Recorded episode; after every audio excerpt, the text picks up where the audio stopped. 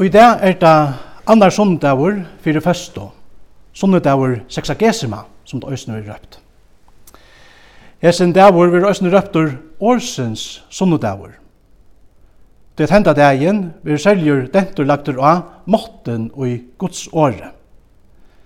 Etta sutja vit til dømes i epistelen som vi har hørt, og i evangelen. Og i dag vil jeg vi tog dvelja vi en løkto vi heter her måtten og i Guds åre.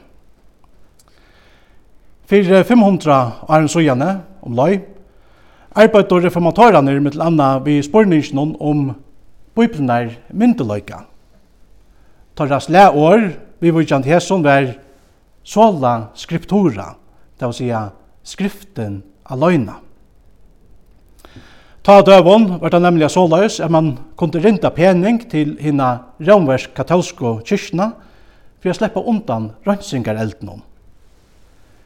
Innan katolskan hoksnarhått var rønnsingarelderen og en pynestavur, her salen blei pynt og rønnsa, og æren hon slapp inn i himmelen.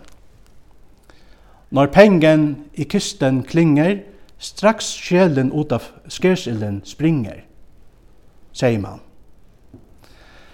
Hetta var altså ikke trav i bøypnar læro, sambart Luther, Og han reagerer i tog østene og møte hese lærer.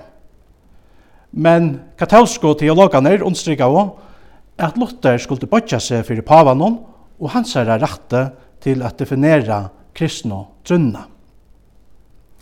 Sampers Taimon var Bibelen ser at tropol er skilja, og tog var man østene bonden at kyrkjener og pavans utlegging av Bibelene. Og til inn i hentan samanhengen er slæåret tja Luther jauar. Sola skriptura, skriften aløyna. Ikkje skriften paven og kyrkjan, men skriften aløyna.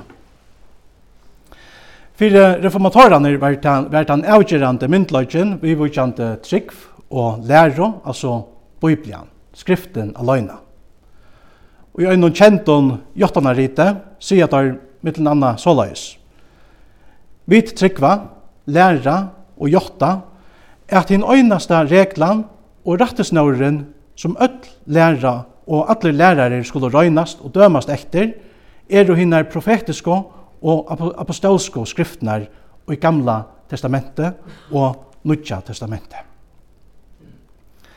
Luther sier øysene, Ved skriftene som dømere skulle, skulle atler andar røynast og kyrknar og asjån mittlen kristen er det nemlig hekta som tørver er av fram om alt anna. Etta stendur fast, at hinar høyla og skriftnar er ro eitt andalit jaus som er nekv bjerstare enn sjálf solen. Hetta er en stersk løysing av skriftene. Eitt andalit jaus som er nekv bjerstare enn sjálf solen. Bibelen hever altså tann endalige myndløykan og i kyrkjene, sambart Luther.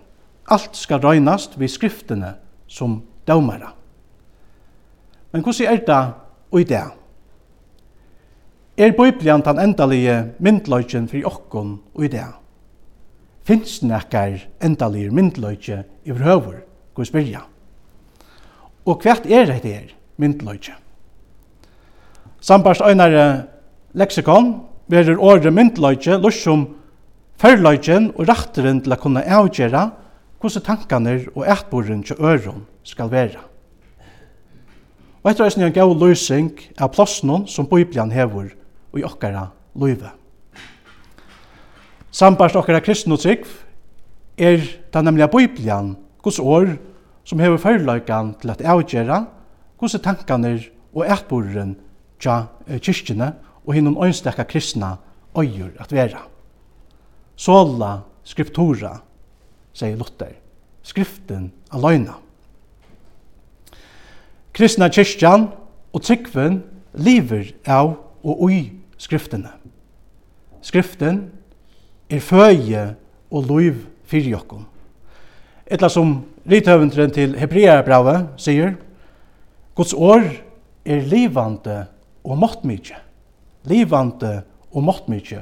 Og kvassare er enn nekka anna tvi ikkja svør, og fer inn i noen til det skiler sal og anda lir og merk, og dømer hoksaner og ra hjertans. Stenta skriva. Guds år er livande. Og etter øysene til som Jesus understryker fyrir okkon og luknelsen om saie.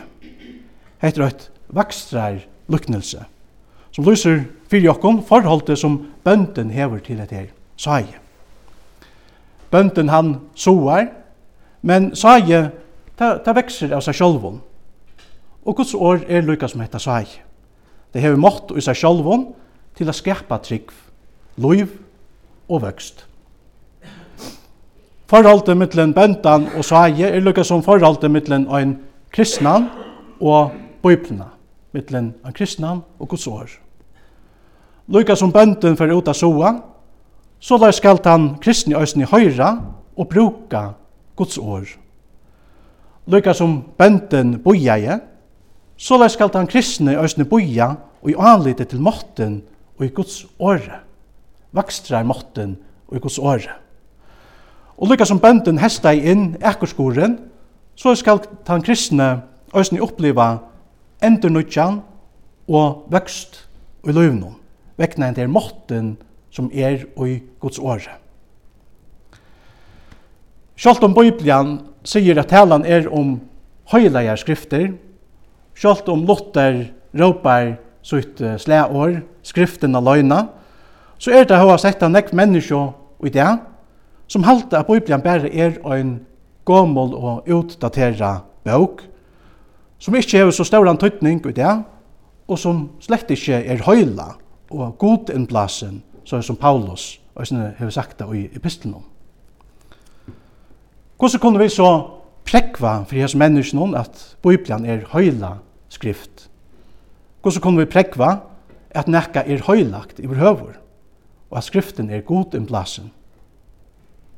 Kanskje er det sånn myndløgjen ikke nekka som vi først og fremst skulle prekva, det kan skriften sjálv gjera, det kan hun sjálv syrja fyre. Jeg som vi vujtjande sier en kjentur pratikumauer, Charles Hedden Spurgeon, Der nøytest ikkje at verja eina leivo om hon verir avlåpen. Det øynaste som du skal gjera er at åpna postre og let henne komme ut.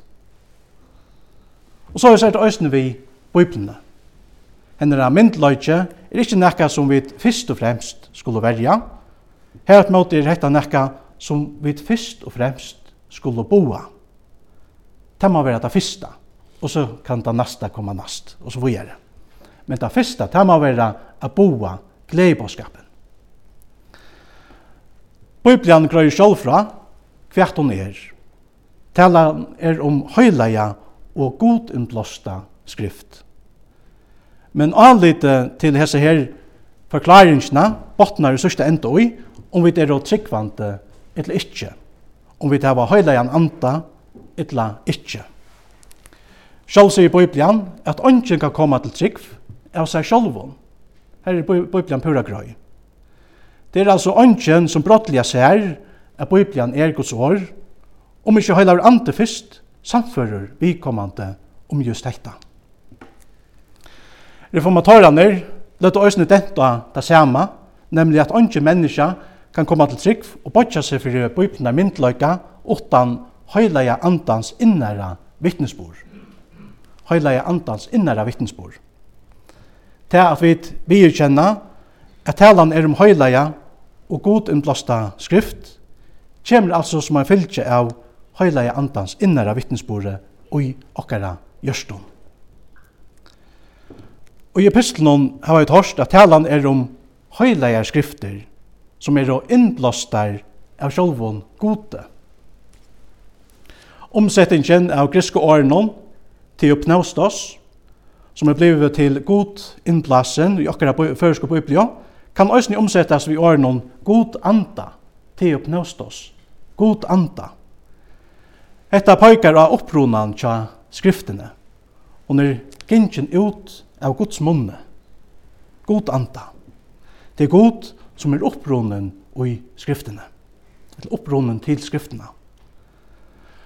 Biblian gjør òsni sjálf, han vittnesbord at hon er Guds år vi da til dømes hørst i leste noen, så sier Herren, etla, det stender øysen til Ezekiel, år Herrens kom til min så jævande. Og fer etter fer stenda skriva på henda maktan, år Herrens kom, kom til min så jævande, etla, så sier Herren. Det stotta av til lenka er at Bibelen gjør okkon fer etter fer og av imskan hatt, tan vittnesbord, at hon er Guds år. Og i epistelen understrykker Paulus fyrir Timotheus at dette her året kan gjøre menneskje vis til frelse. Året hever måtten til å løye menneskje til trygg. Etter som Paulus sier i Romabraunen, så kommer det tryggven av tog som vil hørst. Men det som vil hørst kommer gjennom år Kristus. Det vil si gledebåskapen om Jesus som vi møter i, i akkurat Bibelen. Ein ærstannes, sier Paulus øsne, ty at det skammest ikkje vi glede i båskapen, ty at han er Guds kraft til frelso for kvent han som tror. Guds kraft til frelso. Skriften hever altså en uibekvande mått som kan loja menneskje til trygg. Og årsøkjen til den her uibekvande måtten er sjolvor god. Så sier vi at det er Guds år. Og her er, er en sannløyke som fer etter fer vil stafester i Bibelene.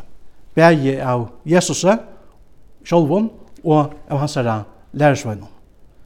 Vittnesborgen, eller Sjolvvittnesporen, som Bibelen gjør om seg sjolva, er at hon er Guds år. Tutt år er en lykt fyrir fautemøynen, og et jaus av gøtemøyne, sier Solmaskalte. Og vi nå at enda uimynda okkon at vi er av vei, heim i djøgnon eina myrska skau, mitt av nått. Og vi tar ikkje hava nekka jaus av gøtene, så vittlast vi kjøtt av løy. Utan at jaus og i myrskrinon dekta vi kjøtt om støynane og grøynane av gøtene. Utan nekka jaus, så kjøtt vi ikkje om vi gengat den retta vegin. Om vi tar hinare søgjene heva et jaus, tja okkon, ta suttja vi hver vi stuja, suttja vi hver føttene stuja.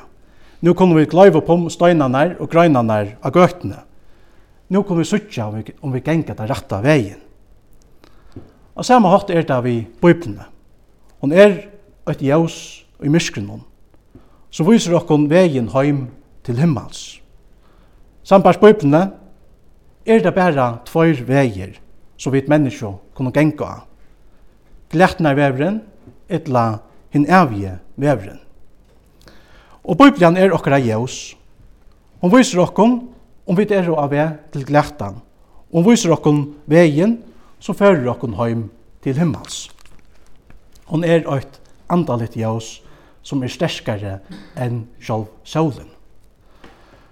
God han er nemlig en frelsande god, så vil leia okken öll, allar mennesker heim til sunna evi og nærvero.